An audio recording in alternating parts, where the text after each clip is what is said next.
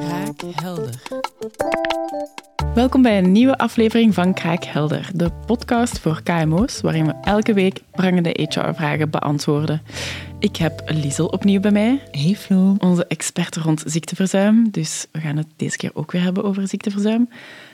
Maar nu serieus. Een serieus onderwerp. Um, ziekte. Spannend. Ja.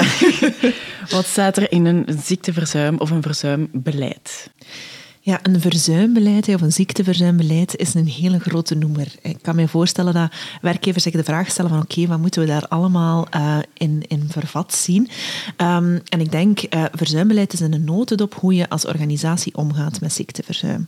Um, daar heb je eigenlijk twee grote luiken. Enerzijds is dat een luikje visie hoe kijkt je als organisatie naar ziekteverzuim? Uh, wat wilt je bereiken met dat beleid? Wat is je doelstelling?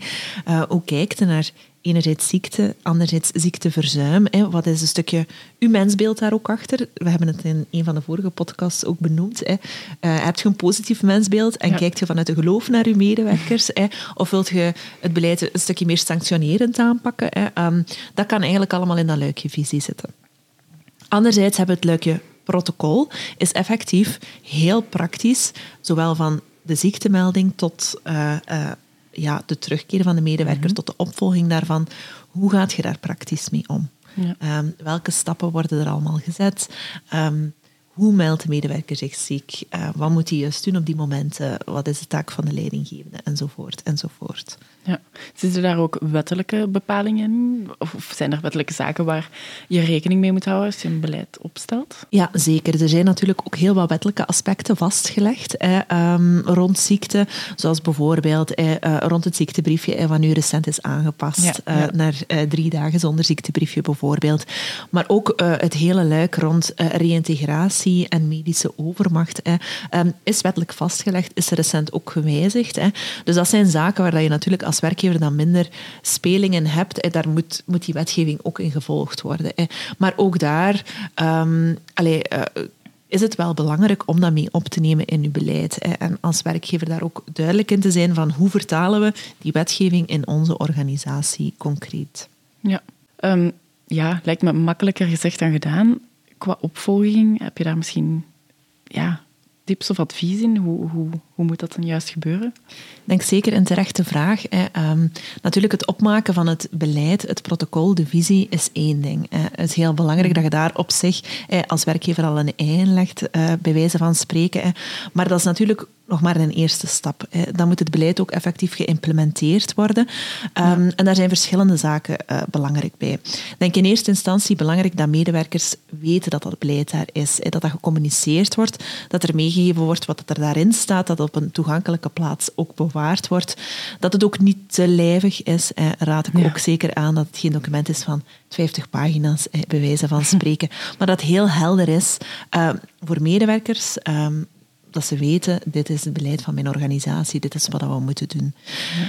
Tweede belangrijke stap is denk ik een stukje de implementatie en de opvolging. Want natuurlijk kan het ook zijn dat um, doorheen de tijd bepaalde zaken in dat beleid misschien moeten aangepast worden, veranderd worden. Ja. Omwille van een wetswijziging, we hebben er nog maar recent eentje meegemaakt, hè. maar ook omwille van um, ja, het feit dat... Uh, dat je als organisatie continu leert en evolueert. Hè. Uh, en dat opvolgen en dat borgen, dat kan um, Bijvoorbeeld door regelmatig dat beleid eens te herzien. Ja. Um, of die cijfers een stukje mee te gaan betrekken en die op structurele momenten gaan bekijken met verschillende actoren in de organisatie. Werkgever, leidinggevende, eventueel ja. arbeidsarts daarbij.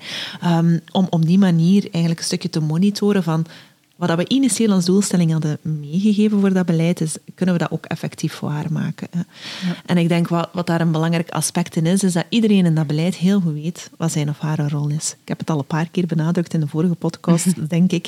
Um, maar dat is een beetje stakeholder management effectief. Dat iedereen, uh, ja, het is een complexe materie, hè, uh, dat iedereen heel goed weet wat van hem of haar verwacht wordt. En ik denk dat de leidinggevende bijvoorbeeld daarin een sleutelrol speelt. Hè, en dat daar ja. vaak heel veel bij ligt ook in het communiceren met medewerkers. Um, zij moeten contact houden als een medewerker ziek valt, maar ook in heel die ziekteperiode gaan peilen naar die werkgerelateerde ja. oorzaken.